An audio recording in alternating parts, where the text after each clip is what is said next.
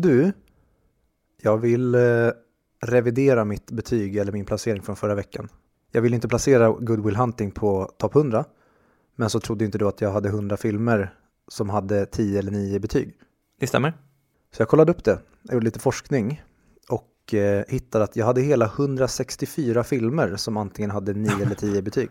Vad fan. Jag är en betyghora har jag märkt nu. Kan du nämna alla dem? Mm. Här kommer de. Nej. Nej, Nej. Jag jag inte. Jag hade tröttnat och jag hade, jag hade antagligen inte känt till hälften av. Så det, men eh, så att jag skulle vilja skicka ut Goodwill från topp 100. Den hör inte hemma där. Jag tycker den är sevärd, men den, det är ingen toppfilm. Vad har vi bjuda på idag då, Viktor? Mm, vi ska leka Vem är vi på väg? Men den heter ju inte så. Men jag vet att det stör dig så mycket så att jag eh, säger så. Ja, vi har fått lite, några bra alternativ på namn på quizen. 100 mic podcast quiz. det var ett. Eh, vi har även quizen om film. Nej, vi har inte fått några alternativ, så kan ni snälla hjälpa oss här. Komma på namn är inte vår specialitet, uppenbarligen. Ni märker ni på- oss för vi har döpt en podd till 100 mic-podden. Väldigt dumt nu i efterhand eftersom folk som söker efter filmpodd kommer aldrig hitta oss. Jag, vet, jag kan inte ens komma på så många. Det finns ju den största filmpodden vad jag vet. Det är ju Slash Filmcast, alltså Slash Films podcast. Det är ju också ett jättekonstigt namn eftersom de har ett snedstreck i titeln på podden. Men utöver det så pratar vi väl om filmen också? Vi ska, ja, vi ska leka Vem är vi på väg? Igen. Vi ska prata om eh, Quentin Tarantinos Inglourious Bastards. Så att det räcker väl nog med att vi ska prata om den filmen. Räcker det nog? Eller räcker det nog? Det räcker nog. Då kör vi då.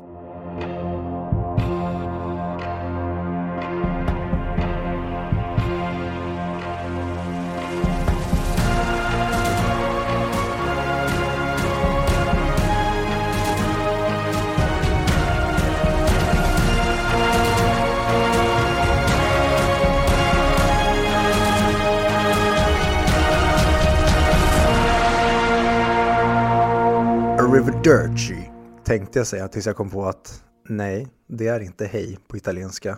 Då kanske man ska säga ett Brad Pittskt ciao, Buongiorno. Buongior- buongiorno. Det är väl så han säger i filmen? Gör han det? Han säger det. Buongiorno. Jag minns bara Arrivederci, men skitsamma. Hej och välkomna till 100 Mic Podcast, podcasten där vi pratar upp IMDBs topp 100-lista, men inte Charlie Chaplin. Jag heter som vanligt Viktor och mitt emot mig sitter Fredrik. Och det här är då avsnitt 85 och idag ska vi prata om den första Quentin Tarantino-filmen på listan, nämligen Inglourious Bastards. Spännande att eh, vi äntligen kommit till, eh, Tarantinos första film. Men innan det är dags för att prata om den. Så är det dags för ytterligare en omgång av Vem är vi på väg? Ja. Nej, Hur, hur länge ska du klaga på att jag säger Vem är vi på väg? tills du byter. Till nästa avsnitt ska jag ha kommit på ett, jag ska i alla fall ha fem förslag på namn för leken. Men då vill jag också att du inte dyker upp med citatversion utan att du spelar enligt mina spelregler och gör, kommer med två skådespelare. Så du menar att du, du äger den här leken nu? Jag får inte ta min tolkning på den. Jag har Jag får inte ta, copyright- ta fram mitt konstnärliga, kreativa sida. Jo, du kan få göra det, men då vill jag att du eh, inte gränsar över i min produkt så att jag kan stämma dig för eh, att göra en copy strike. Så jag, jag kan byta namn och sen köra 9 poäng, 7 poäng, Ja, 5 precis. poäng och så vidare. Då är det okej. Ja, Ja. det kan jag acceptera. Ja men det är bra, kör vi på det. Mm. Eh, men eh, vi drar igång direkt då. Ja, jag är otroligt taggad. Det här lät inte alls som att jag hade inlevelse i det. Viktor, jag är väldigt taggad på det här. All right. Är du redo Fredrik, Elias, Niklas, Lindstrand, Billberg? Jag är redo. All right. Då åker 10 vi. poäng. Denna person föddes 15 september 1977 i Englands huvudstad.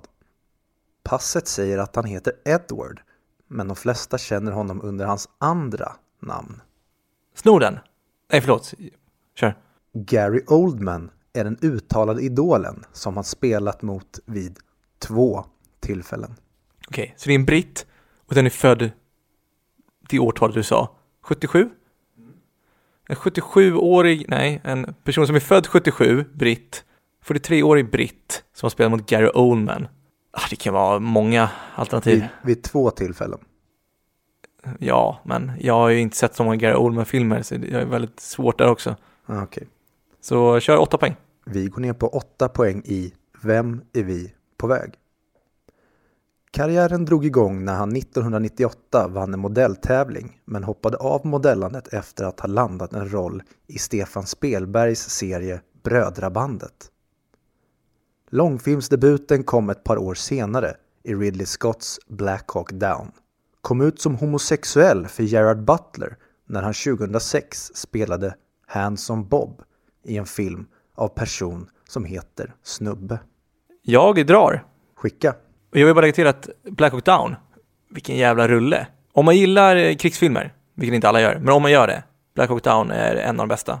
Mm. Intressant att du inte tar upp eh, din favoritserie igen, Brödrabandet. Jag, jag vet inte vad det är för något. Kör, kör Vad blir, vad blir det om man översätter Brödrabandet till engelska? Ja, Band of Brothers. Ja. Men då är jag fel. Ah, fuck. Ja, ja, kör, kör vidare. Sex poäng i Vem är vi på väg? Det breda genombrottet kom tidigt 10-tal som karaktären Eames i en Nolan-film och fick sedan jobba med samma regissör igen i den avslutande delen av Den mörka riddaren-trilogin. Spelade 2015 mot Charlize Theron och enligt ryktena så avskydde de varandra så mycket att de inte kunde vistas i samma rum till slut. Dina sexpoängare typ, är ju alltid svårare än dina åttapoängare.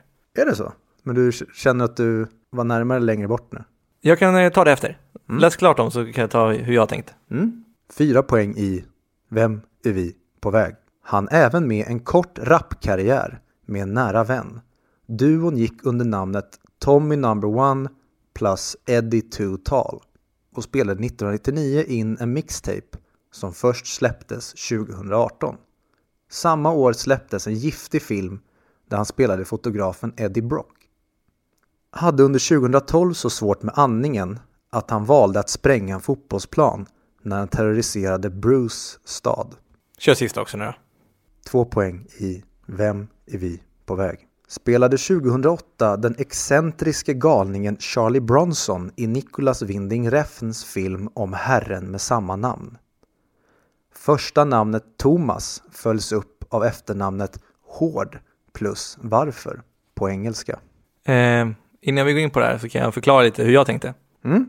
10 poäng tycker jag var jättesvårt. Den kan man ta, absolut. För man vet ju ungefär ålder. Den är, den är ju jättesvår i och med att den enda egentliga ledtråden man får om honom är att Gary Oldman är stora idolen.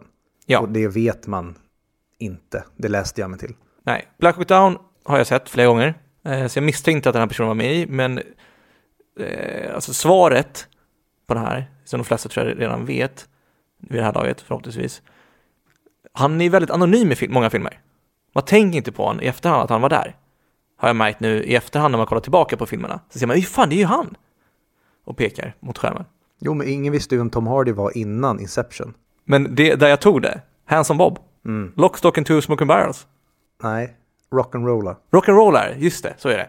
Men det är Guy Ritchie i alla fall. Precis, och det, vi kan avslöja att det är Tom Hardy vi Det är pratar Tom om. Hardy. Men det, det är ju så, ingen visste ju vem Tom Hardy var innan Inception. Och även efter Inception så visste man inte, ja, ah, det är Tom Hardy, utan då blev han refererad till som, ja, ah, det är han från Inception. Men Tom Hardy är ju verkligen sån här skådespelare som är så jävla bra, men som verkligen gått under radarn. Men han hade väl ett jävla svung där när han spelade Bane, han var med i Mad Max. Absolut, men han, han känns ju fortfarande inte som en- den här utåtstickande personen. Nej, han är inte one of the biggest, alltså okej, han blev nominerad till en Oscar i The Revenant, men som du säger, han är fortfarande inte en av de stora. Nej men, han går bara in och gör jävligt bra roller. Det är som när han är, vad heter han i Peaky Blinders? Solomon? Solomon? Jag har inte sett Peaky Blinders. Okej, där spelar han eh, ledaren för ett gäng, eh, ett, krimine- ett kriminellt gäng med judar. Som eh, då tar, styr en del av, inte Birmingham, en del av London tror jag han, han styr. Men vad då judarna styr hela världen. Nej, men Där, där gör han ju också en liten roll. Fascinerad va? Där är han. Tom, Tom Hardy är ju verkligen definitionen på, där är ju han. Mm. Har du sett eh, hans egenproducerade serie Taboo? Nej, men jag har hört om den. Svinbra. Är den det? Mm. Men vad var, vad var på sexpoängen? Eh, gick vi igenom, vi tog tian och sen på ja, åtta poäng sa du ju med eh, Hanson Bob. Sex, sex poängen hade vi ju, det breda genombrottet kom tio, tidigt tiotal som karaktären Eames i en Nolan-film. Och fick sedan jobba med samma regissör igen i den avslutande delen av Den mörka riddaren-trilogin. Mm, det var den jag, jag hade ingen, det var det som jag kopplade från din sexpoängare. Ah, okay. För jag tror inte jag lyssnade så noga, skitsamma. Men, eh, och sen Giftig Venom, Mm. som har fått jättemycket dålig kritik, om jag fattade rätt. Mm, den har fått både dålig och medioker kritik, ingen bra kritik. Det är trist. Mm. Och två poängen då spelade Charles Bronson i filmen om Charles Bronson. Och hans första namn är Thomas, alltså Tom. Och det följs upp av efternamnet Hård plus varför på engelska. Jag gillar dina ord, eh, dina rebusar. De är härliga. Ja, men eh, jag tycker de var bra. Jag tog ner på åtta poäng igen. Jag ger mig själv en klapp på axeln. Men någonting tråkigt hände ju nu förra veckan. Vi får ju ändå klassa honom som den största svenska skådespelaren som någonsin levt va? Nämligen Max von Sydow omkom tänkte jag säga. Han gick bort, 90 år gammal. Ja, Så det var ju tråkigt. Mm. Hur minns du Max von Sydow? inte alls. Vadå? Inte från JJ Abrams Star Wars The Force Awakens? Han blev ju Oscars-nominerad så sent som jag tror typ 2015 för sin roll som en stum gubbe i, eh, vad heter den, Extremely Loud and Incredibly Close tror jag den heter. Om, eh, jag tror att det är en liten pojkes vars föräldrar omkommer i 9-11. Men visst är det han som, eh, han är ju The Three-Eyed Raven Det är han också. i Game of Thrones. Mm. Tyvärr, helt ärligt så har jag inte haft så jättemycket bra koll på den här personen. Men det är ju också för att innan vi började med podden så jag, jag, jag har inte så mycket fokus på skådespelare. Eller skådespelerskor. Jag såg henne så bara, åh det är den här personen igen. Utan att koppla namnet. Ungefär som ibland när man lyssnar på en låt, men man har ingen aning om vad de har sjungit i låten. Eller vad texten handlar om. Man åker bara med i känslan som den ger. Mm. Så att eh, RIP in Peace Max von Sydow.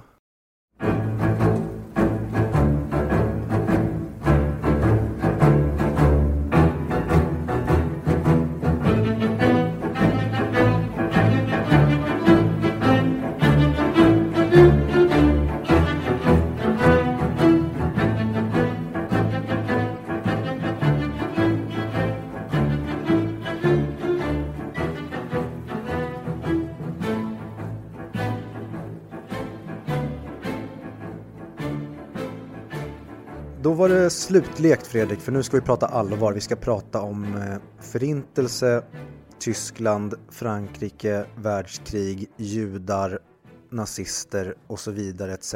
med flera. Vi ska nämligen prata om Quentin Tarantinos Inglourious Bastards. Filmen kom 2009 och eh, är både skriven och regisserad som Quentin Tarantino som det oftast är när Quentin Tarantino gör en film, att han både skriver och regisserar. Fun fact där, får hoppa in. Han skrev manuset för den här filmen i nästan över ett, ett årtionde. Mm. Och det märks.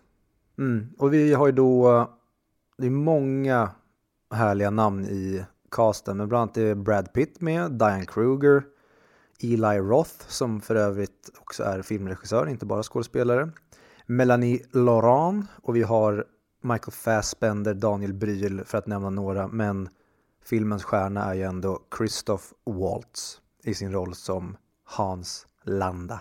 Det kan vara, och nu går jag i förväg här, det kan vara en av de bästa rolltolkningar jag någonsin har upplevt.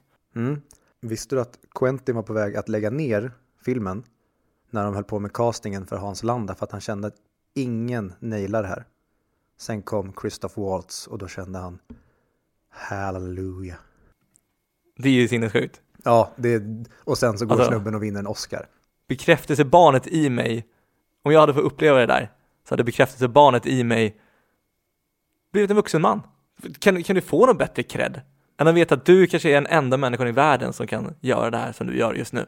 Sen, eh, ja, vi kan ta det sen när vi kommer för att Django Unchained är ju också en Tarantino-film med Christoph Waltz som han vann en Oscar för. Men vi kan prata om den när vi kommer till Django Unchained högre upp på listan. Men eh, kan jag dra igenom lite kort vad den handlar om. Handlar kort och gott om hur eh, Hitler stoppas. det handlar kort och gott om en eh, guerrilla squad bestående av judar som ska samla nazi scalps till sin eh, lieutenant helt enkelt. Och eh, vi får samtidigt följa en eh, biografägares eh, mästerplan för att förgöra det tredje riket. Ja, exakt. Alltså det är gänget Bastards. De, de ska döda nazister. Det är hon som du pratar med i biografen. Och sen får man ju följa den här generalen eller vad nu Hans Landa är för något. Och innan vi går in på den första scenen som båda vi två är otroligt ivriga att prata om så tycker jag att vi kan nämna väldigt kort vilka förväntningar vi hade egentligen innan vi såg den. För jag är helt övertygad om att båda vi har sett den här innan den här veckan. Ja. Jag hade otroligt höga förväntningar igen. Och du hade? Hade också väldigt höga förväntningar. Jag ska säga det att jag såg den här filmen väldigt nyligen. Det var max ett par månader sedan. Så att jag var lite otaggad på att se den för att jag kände att den var så pass färsk i minnet. Men, men eh, ja, jag vet ju vad jag skulle få så att eh, så jobbigt var det inte. Många fun facts som finns i den här filmen kommer vi komma in på när vi pratar om olika scener. Så jag tänker att vi spar dem. Istället för att göra som vi brukar göra, så kan vi spara dem till senare i diskussionen. För ja, många uppskattar ju fun facts, det gör jag också. Ja, det trivia är skitkul. Exakt, men så att folk inte tror att vi hoppar över det, så kan man ändå annonsera det. Men vi kan väl dyka rakt in i filmen egentligen. Ja, första scenen. Ja, det, det är ju en av de bästa öppningsscenerna som gjorts. Den och Jokern. Eller Batman, alltså eh, The Dark Knight. Mm, ja, okej. De två tycker jag är nog bland de bästa öppningsscenerna. All right.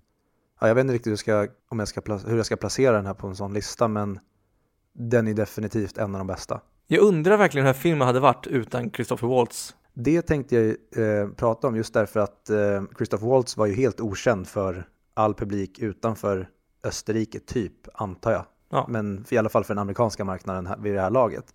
Och det tycker jag generellt att de håller sig ganska bra igenom med hela casten. Även en person som Mike Myers, alltså Austin Powers, är med. Men han är sminkad så att man inte riktigt känner igen honom. Vem är han? Han spelar personen som eh, briefar Michael Fassbenders karaktär om Operation Kino. Du vet han som står och pekar på kartan med den här Oj. pinnen. Jävlar vad jag inte visste om det. Ja, och det gör Tarantino snyggt. Så Ja. den, den svagaste punkten när det kommer till det är att de håller casten ganska unknown. Diane Kruger är i och för sig också med, men generellt så är det inte liksom, det är inte household top names förutom Brad Pitt. Alltså det är ju många stjärnor, det är det ju. Men eh, jag håller med dig till viss del. Jo, men det är inte, det är inte de, de största största. Nej men de gör ju snyggare än Game of Thrones när Ed Sheeran sitter och spelar gitarr i alla fall. Det kan man ju lugnt säga. Ja, åh fy fan. Men fa- alltså, jag hoppas den personen fick sparken efter. Jag älskar Brad Pitt när han får göra såna här, äh, här han är ju en, en fantastisk karaktärsskådis. Han är ju som bäst när han får vara lite, alltså utanför, han, han är lite så heightened reality. Som typ i Snatch. Han är en karaktär som typ inte hade funkat på riktigt. 12 Monkeys, alltså också en karaktär som är väldigt skruvad. Och här är han en liksom Aldo Rain som är uramerikanernas uramerikan. Han blir liksom nästan en parodi på jänkar militärduden. Och då funkar han som bäst. Så att han är ju amazing i sin roll.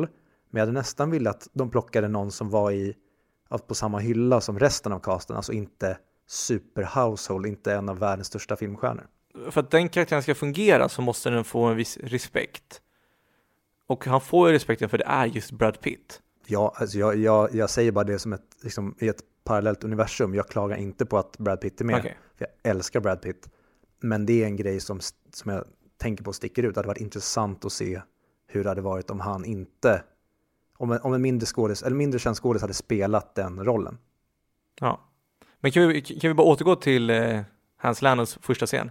Ja, När han, eh, alltså det, det är någonting med hans närvaro som är så charmig samtidigt skräckinjagande.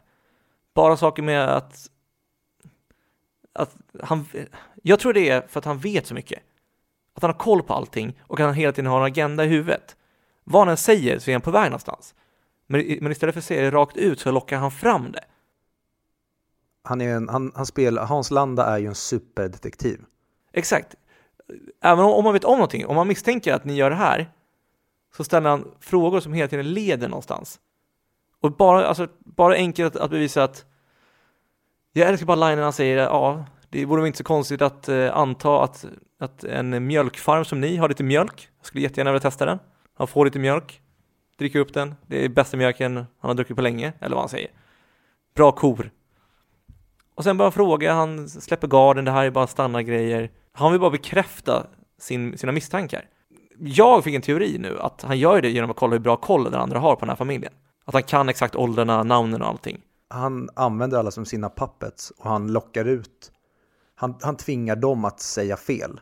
Och det gör de samtidigt som den här pappan sitter vid bordet och egentligen börjar känna sig tryggare och tryggare för att det som Hans Landa säger egentligen att det är ingen fara, det är bara en rutinkontroll, mycket dubbel, dubbelarbete men det måste göras. Då borde ju pappan bli lugnare. Men som du säger, han sitter ju bara, det är bara en katt och råttalek och sen så blir det bara boom så smäller han till och gör pappan så jävla osäker med varje liten avslutning på meningarna. Jo men det menar jag att han väntar inte på att han ska säga fel. Min teori är att han kollar med honom, eftersom han har så bra koll på den här familjen. Då borde han också, eller då, då ökar chansen att han har gömt dem. Hänger du med? Ja, men där spelar ju pappan ganska bra för han säger att han vet ungefär hur gamla barnen är. Han, Ja. Ryktena säger att de tog sig till Spanien. Exakt, och då kommer ju när kameran sjunker. För innan så tänker man, ja, det här är vilsespår, undrar vad som kommer hända nu. För de sköter det ju väldigt bra. Alltså man tror ju verkligen på pappan. Fram tills kameran åker under marken och då märker man att det är nu vändningen sker i hela scenen. Mm. Och jag kommer ihåg förut när jag började fascineras av den här filmen eh, så kollar man mycket så här, ja, men, videoanalyser och teorier och skit.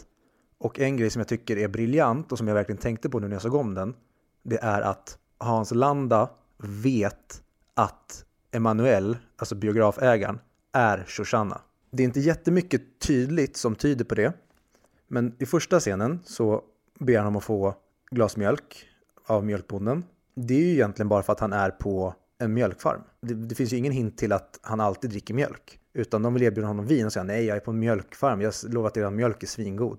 Bjud mig på lite mjölk. När han sen träffar Emanuel på restaurangen där när Goebbels och Zoller och de är med, när de har pratat om att hon ska hålla filmen i sin biograf, då beställer han också in mjölk och ger det till henne. Han beställer även in den här uh, strudel. Strudel innehåller mejeriprodukter. Plus att han beställer in grädde. Ja, det här är ju mest långsökt jag varit med om i mitt Nej, liv. men lyssna nu, för Ja, det här tyckte jag var ja. briljant. Enligt judendomen så är det inte kosher att äta mejeriprodukter som är tillagat med färska mejer- mejeriprodukter. Vilket innebär att han testar henne för att se om hon ska käka det här tillsammans. Hon försöker ju börja käka innan grädden kommer in. Han säger upp, upp, upp. Vänta på grädden. Och han hela tiden provocerar henne genom att han, han avslutar sina meningar genom att han är på väg att säga någonting som ska få henne lite rädd. Som när han egentligen har pratat med henne om filmen och att hon, han, han har en, hon har en svart man som är projektionist. Så säger han, hmm, ja, det var någonting mer jag ville prata om men jag har glömt bort det nu.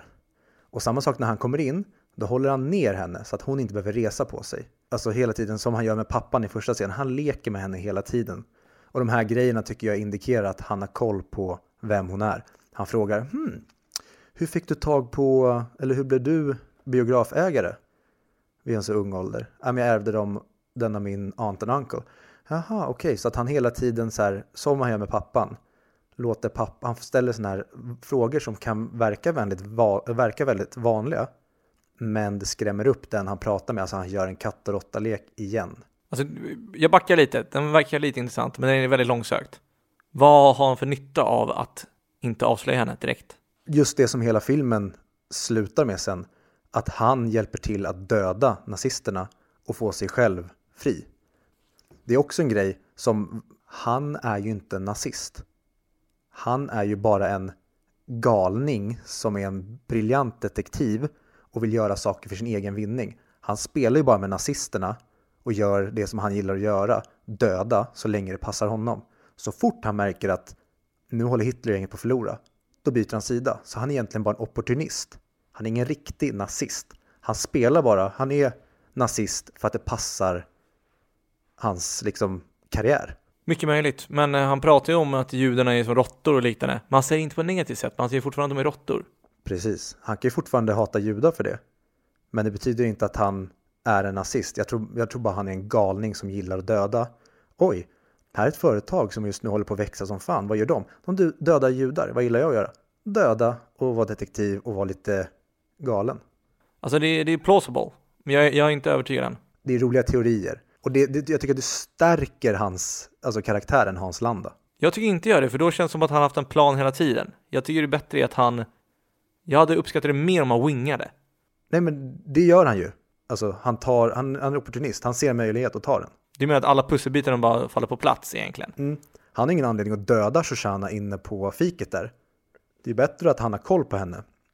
Precis som han gör med eh, Diane Krugers, eh, vad heter hon, von Hammersmark. Att han avslöjar inte när de står där med italienarna och det direkt vad det är, att han, vad han vet. Utan han gör det väldigt snyggt och elegant som händer på kontoret. Han tar av skon, ber henne stoppa ner handen i hans ficka, tar upp sin andra sko och bam så har han henne. Alltså han, han är en jävel på att leka med de som han vill leka med. Ja men det gör jag också. Alltså, det är ju, alla hans scener är ju så jävla bra. Även den scenen som du pratade om när han träffar dem. För han vet ju om att att alla de fyra är ju liksom traitors.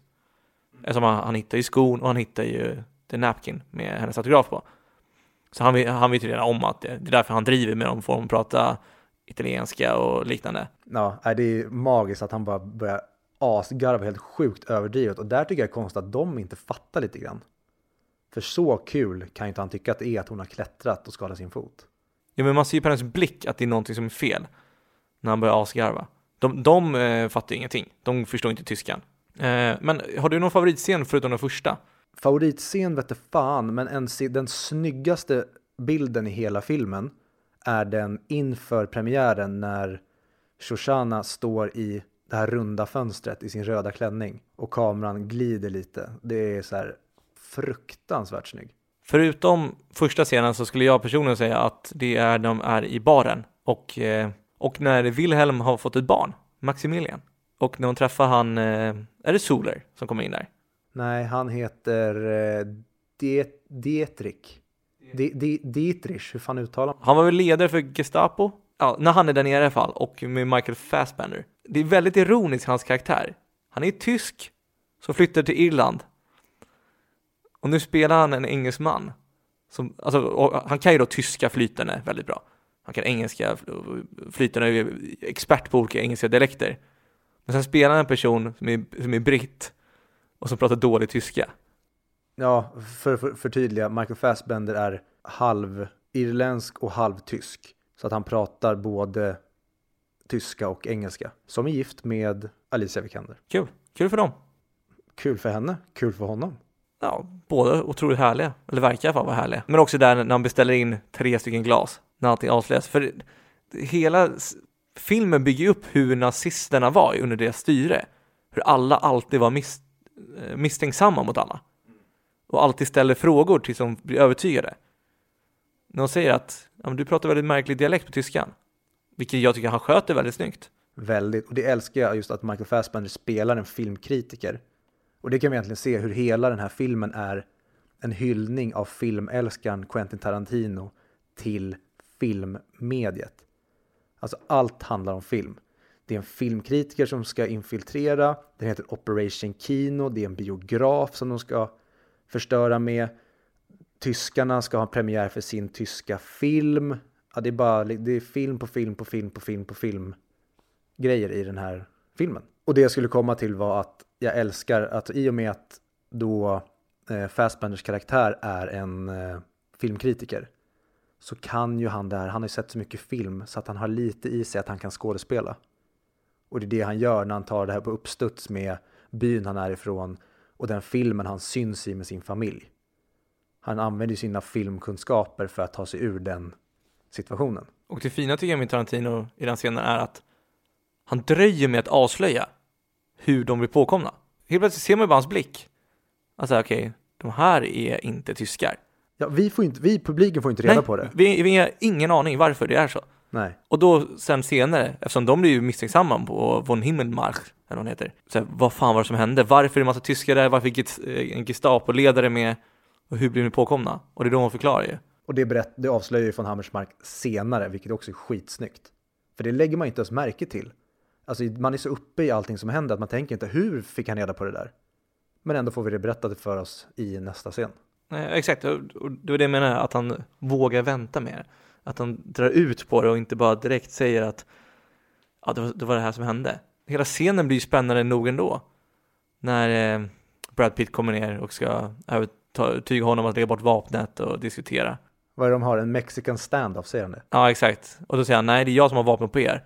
Jo, fast vi har granater här uppe så vi kan kasta ner för trappan och spränga hela huset. Ja. Det skulle jag säga är Mexican standoff. Det är så mycket Tarantino också. Men det är också som du säger när du frågar om min favoritscen. Filmen är bara, alltså det är bara briljanta scener och det förstår man när, när en sån otrolig dialogförfattare som Tarantino har tagit tio år på sig att skriva det här manuset. Ja, Det känns i varenda scen. Och som vanligt i Tarantinos filmer och det han är mästaren av, det är att man vet inte riktigt vad den här filmen är för genre. Den är väldigt, väldigt mörk och allvarlig. Men den är hela tiden, alltså att man skrattar åt den. ja verkligen. Jag håller med. Det är också fascinerande tycker jag att Quentin Tarantino som är känd för sina dialoger, Mm. han ändå vågar göra film där 30% av filmen, alltså enbart 30% av filmen pratas på engelska. Och resterande då på framförallt franska och tyska och lite italienska. Och ändå så skriver man sådana dialoger så att man hänger med i dem ändå. Och där tror jag att han har låtit, eftersom de här skådespelarna som pratar på de andra språken, har låtit skådespelarna typ översätta dem. Eller forma dem som hur en person från det landet skulle sagt det. Ja, exakt. Så att de slipper bara lära sig linesen, utan de faktiskt kan språken när de pratar om. För vad jag fattar som är Christopher Waltz är väldigt bra på språk. Intressant annan grej är att eh, när Diane Kruger castades till rollen så, så visste inte Quentin att hon pratade tyska eller att hon är tysk. Så att han var inte säker på, han bara, ja jag gillar henne men jag är inte säker på att vi kan få henne att naila tyska grejen. Då berättade hon att jag pratar flytande tyska. Och då var det bara, tack, då har vi löst det. Men sen också det som du sa att filmen blandar lite olika kategorier, att filmen blandar lite olika filmkategorier. För nu har vi inte pratat så mycket om de själva bastards. Eh, hela den storyn tycker jag är, den är ball. Att de kommer dit och skapar skräck i tyska armén. Och när de värvar han, eh, när de värvar han den tyska Hugo Stilic, Eh, för det är ju en kille som heter Till Schweiger som spelar honom. Som är då född i Tyskland och ja, han är tysk. Eh, han har tydligen vägrat att ta på sig en eh, nazi-uniform. På film ja. Men det enda anledningen till att han valde att göra det, det var för att han fick döda nazis. Ändå fint. Men också när man får följa dem, hur de förhör andra. För, för man behöver inte få se mer än, alltså, än vad de gör. Och något som Tarantino är så jäkla bra på när det kommer till sina filmer är att han är väldigt bra på att blanda väldigt grafiskt våld med att inte visa våld eller händelser alls. Utan man får dem återberättade för sig eller man får scener som utspelar sig före och efter. Ja, det enda grova man får se är väl, eller det enda grova, det är väl fler grova saker också. Basebollträt och i slutet när han skjuter Hitler och hans ansikte bara smälts bort. Ja, men du får, du får även se när Hans Landa stryper von Hammersmark. Ja, och när de skär in nazisymbolen i hans landas panna. Ja, men precis. När de, och även när de skär av alla scalps. Det tycker jag är mäktig scen också när de ska ta sig in i Hitlers eh, balkong. De skjuter ena vakten och sen då efter ska ju den andra killen springa och ta den andra vakten. Så det är typ slow motion i två sekunder med musik, sen bara bryts det. Pistolerna på knogarna, att du slår och Ja, då exakt. avfyras kulorna. Det hade ju jävligt mäktigt. Episkt vapen, det hade man ju velat se typ en huvudkaraktär ha i någon film. Som sitt weapon of choice. Men har vi sagt vad vi, tyck, vad vi tyckte om filmen? Nej, men du kan ju köra det så sen babblar vi på lite mer. Ja, alltså jag tycker den är, jättebra. Hur bra? Alltså det är svårt att säga hur jättebra den är när, när vi inte har en skala att gå via. Men jag tycker att det här är bland de bästa Tarantino-filmerna, om inte den bästa. Samma här, jag, jag tycker att det är den bästa Tarantino-filmen. Och precis som Tarantino, jag tror han tycker det själv, för att den avslutande linen i hela filmen är I think this might be my masterpiece. Och det är ju indirekt Tarantino som säger det till tittarna. Ja, för det känns så jävla typiskt Tarantino att göra det. Ja, Var inte så- som berättade om en intervju när han satt och skröt om sig själv, hur bra han var? Ja, han satt med i roundtable-intervju med DiCaprio, Brad Pitt och Margot Robbie. Han säger, åh, okända namn eller? Nej. Nej, precis. Istället för att de babblar så sitter han och pratar om som att han är ett fan av filmen och säger Och jag älskar den här scenen, för det, det här är så himla bra i den scenen. Alltså det låter som att han recenserar någon annans verk, men han pratar egentligen om det som han har skrivit, det som han har regisserat. Sen vet jag inte hur, jag tycker inte Tarantino ska vara med i sina filmer. Tycker, men det är ju lite samma sak som Ed Sheeran i Game of Thrones. Det förstör bara. Men han, han är ju inte med i den här. Nej, det var därför det är bland hans bästa. Samma sak med Pulp Fiction såg jag ju första gången innan jag visste hur Tarantino såg ut, så jag visste inte att det var han som var med i den. Och Reservoir Dogs ska vi prata om nästa vecka. Exakt, så, Så det behöver vi inte nämna där, men där har han ju faktiskt en, ja men han är, han är en av, inte huvudpersonerna, men han är en av liksom the main crew som det handlar om. Jag, jag tycker att det kan förstöra lite, men i Pulp Fiction tycker jag att han löser det okej eftersom jag såg den innan. Det var ungefär som att jag såg ju Band of Brothers innan jag såg Vänner. Så Ross var inte förstörd för mig i Band of Brothers. Det var ju snarare tvärtom. Vad fan, där är ju han! Captain Solomon? Nej, vad heter han? Jo, Captain Solomon tror jag. Har du något mer du vill prata om med Inglourious? Eller ska vi kanske gå på lite kritik och liknande? Nej men jag, skulle, jag vill ju fan prata om hur filmen slutar. För det är ju en av tidernas mest episka ja, men slutscener skulle jag säga, eller slutscener, slut på en film när Shoshana går igenom med sin plan och bränner ner biografen. Ja men hur de låser in, hur de planerar allting med att byta filmrulle på den sista delen, hur de har placerat den här alla filmrullar bakom duken, hur de låser biografen och sen när filmen ändras, att hon själv, hon har ju sett filmen så hon vet ju när den här frågan som Soller ställer i filmen kommer. Så att hon själv besvarar den då och säger att ja, den här judinnan dödar nu er alla och sen så bara börjar hon asgarva helt ondskefullt samtidigt som skärmen brinner upp. Och det här ska utspela sig liksom 1945 I guess. Jag vet inte om den utspelar sig tidigare eller om i den här filmen så slaktar de Hitler tidigare. Men det är så jävla snyggt hur allting bara brinner och det är rök och man ser hennes ansikte nästan bli så här hologramaktigt när eh, projektionen fastnar i all rök samtidigt som alla bara skriker och så står The Bastard typ på balkongen och bara pepprar. Tänk dig hur, hur mycket mörkare den scenen hade varit om det inte var nazister i publiken. Alltså den, den är ju helt sjuk egentligen, alltså den massakern. Ja, och det är väl det just att vi får se människor slaktas i en biograf som just, ja, framförallt senaste åren har blivit ett känsligt ämne i och med att det har varit olika biografmassakrar. Ja, Men- konserter och liknande, ja exakt. Ja men precis, det har skett hemska saker i sådana här public spaces. Men han utför det så jävla fett och just att han dödar någonting som alla avskyr, nämligen nazister. Han dödar Hitler och Goebbels och hela jävla gänget. Ja, vem vet hur många män, miljontals människor som räddas på, på grund av det. Och det jag tycker är fascinerande med den är att de två väljer att vara kvar. Så mycket hatar de nazister och så, och så djupt är de inne i sitt kås. Så att de två eh, amerikanska soldaterna, jag kommer inte ihåg vad de heter, som har det, som hade bomberna, eller TNT eller vad de har runt benen. De heter Margretti och, Dominic De de Coco.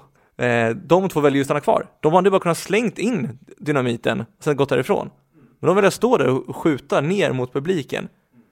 Bara för att visa alltså, hur djupt investerade de är i, i sitt mål. Eller så kanske de hajar att alla, alla nazister är ju inte här, men staden är fortfarande ockuperad av nazister. Så att även om vi tar oss ut så är vi fucked. Och då är det lika bra att avsluta det här. Fast de har ju levt i Tyskland ett tag nu. Jo, men jag menar i och med att biografen brinner ner och sprängs Ja, så kommer det ju ganska snart vara hur mycket nassar som helst där utanför som undrar alla våra stora ledare var här inne. Vem är skyldig? Och så står det två jävla italienare inom citationstecken utanför. Filmen pratar eller något om Miss Goosey, Miss Goosey, hade de bara kunnat sagt. Och sen gått vidare. Ja. ja, jag älskar det när de ska tränga sig ut från sina platser. Ja. Och. Sko och så ramlar han. Men alltså, jag tycker, jag tror ju att jag aldrig kommer komma i en sån situation i mitt liv där man accepterar döden.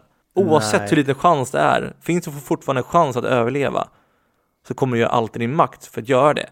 Du kommer chansa på att klättra ner i kloakerna och fly därifrån på något sätt.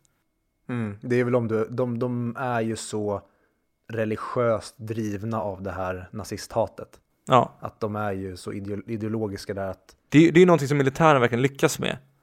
Att, hjärn, ja, att hjärntvätta dem till att inse att det finns någonting större än dig. Och återigen, alla, i princip alla, jag tror att alla Tarantino-filmer är så. Men här är ju supertydligt att det här är ju inte en, en krigsfilm.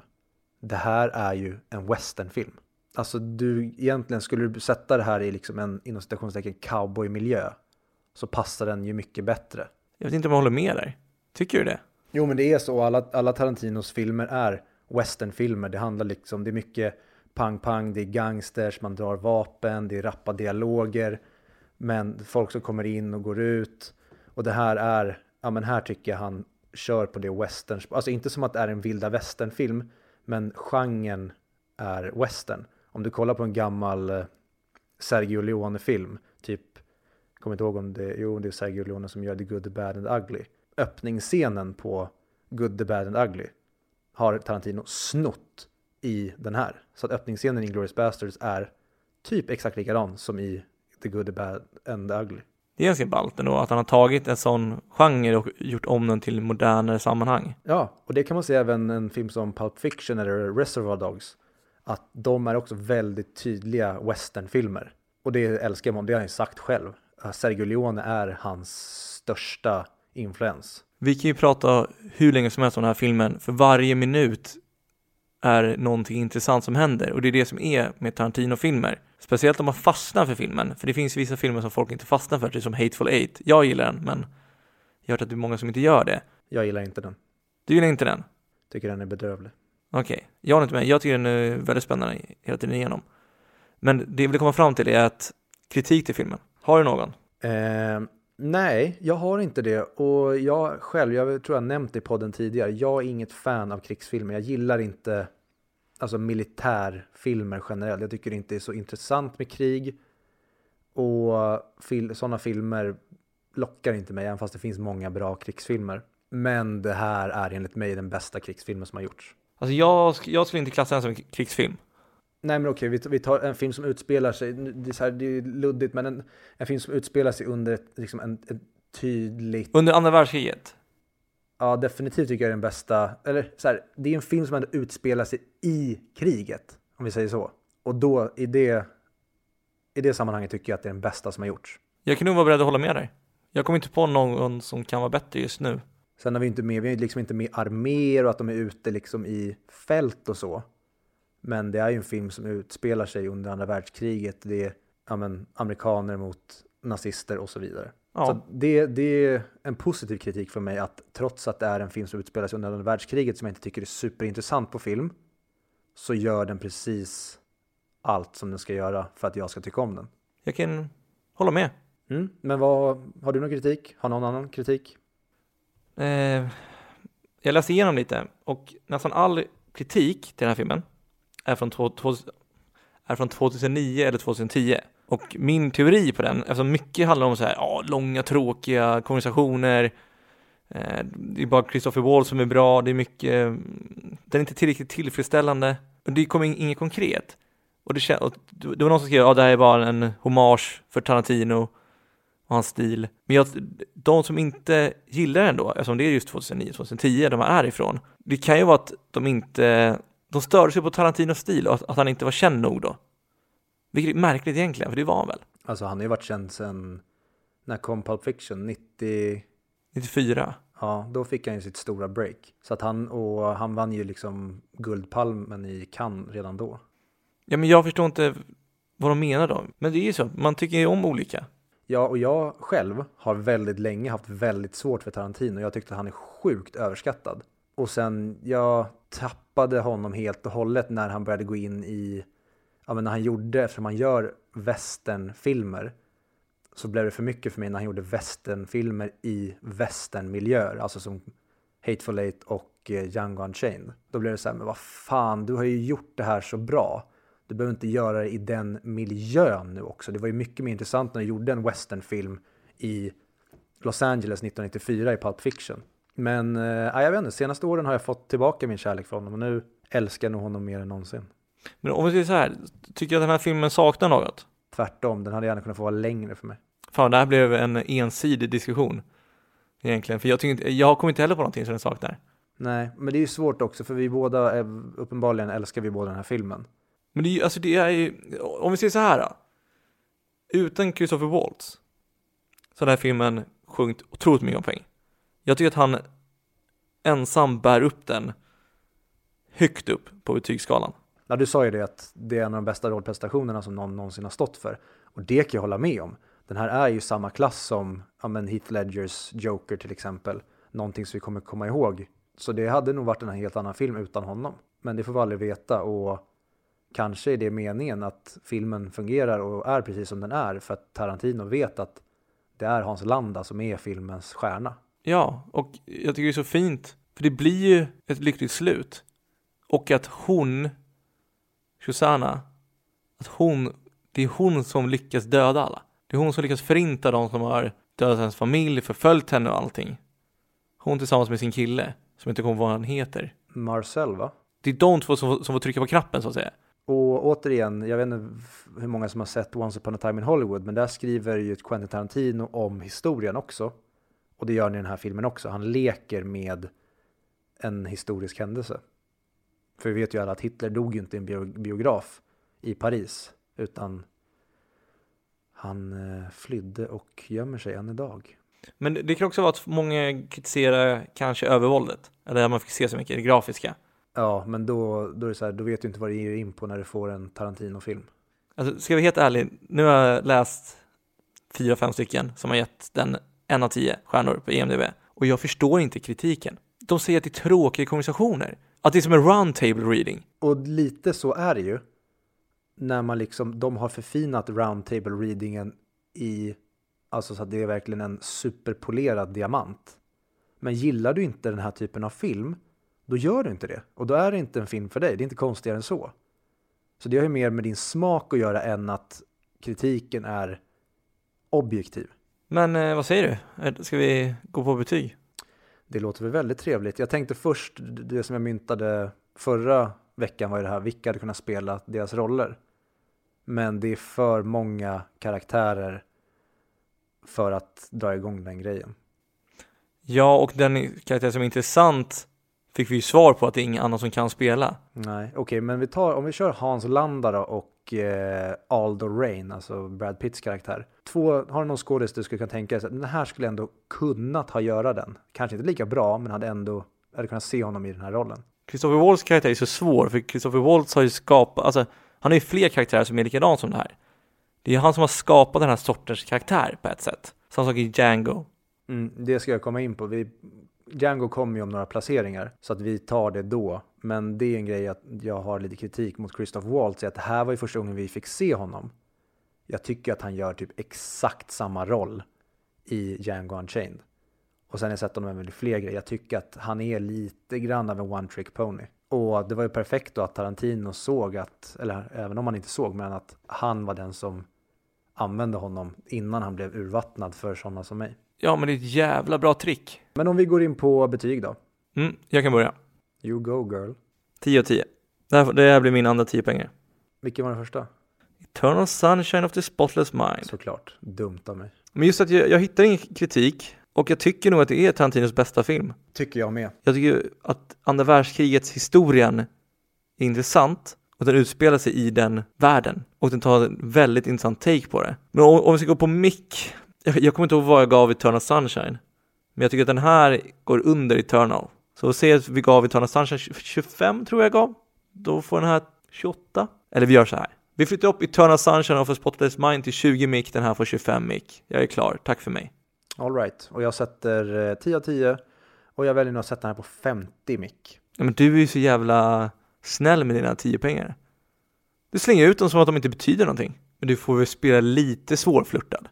Vi får väl eh, mynta nicknamet eh, betygshoran till mig då. Betygsslampan. Eftersom jag ligger med allt. Det blev ingen slampa för det ligger med allt. Nej, vad kallas de då? Livsnjutare. Jag är betygslivsnjutaren. jag önskar att jag också var det, men eh, ibland måste man vara kräsen i vissa aspekter. I vissa andra, där kan man vara livsnjutare. Men eh, har vi inte något mer att säga så kan vi bara gå igenom som vanligt att vi finns på alla sociala medier på 100 mic podcast. Och eh, ni kan mejla oss på 100micpodcast.gmail.com om ni har några frågor eller några förslag eller vad fan som helst. En sak som jag slog mig nu som var jävligt kul Eftersom det här avsnittet blir väldigt Alltså vi sitter ju bara och håller med varandra och tar upp roliga aspekter som vi själv. Och eh, nu i slutet så säger vi vilken nästa film är, det har du redan sagt. Det är Reservoir Dogs. Exakt, och för er som har sett den, kom gärna med frågor om den eller ämnen som ni vill att vi ska ta upp i så fall. Eller kritik ni har till den så kan vi bemöta den. Ibland så tycker vi likadant. Och det blir inte så jävla ball då att lyssna på podden kanske. Nej, det är inte alltid så kul att lyssna på personer som bara sitter och håller med varandra. Även fast vi som, eh, vi som konflikträdda svenskar tycker väldigt mycket om konsensus där folk håller med varandra. Så kan det också vara skönt att höra folk som inte håller med varandra, ibland. Ja, så nästa gång då bråkar vi, okej? Okay? Hela avsnittet. Kom på tre saker du hatar om mig så säger jag detsamma till dig. Bara tre? Din blonda jävel. Nej, förlåt, jag ska inte attackera ditt hår.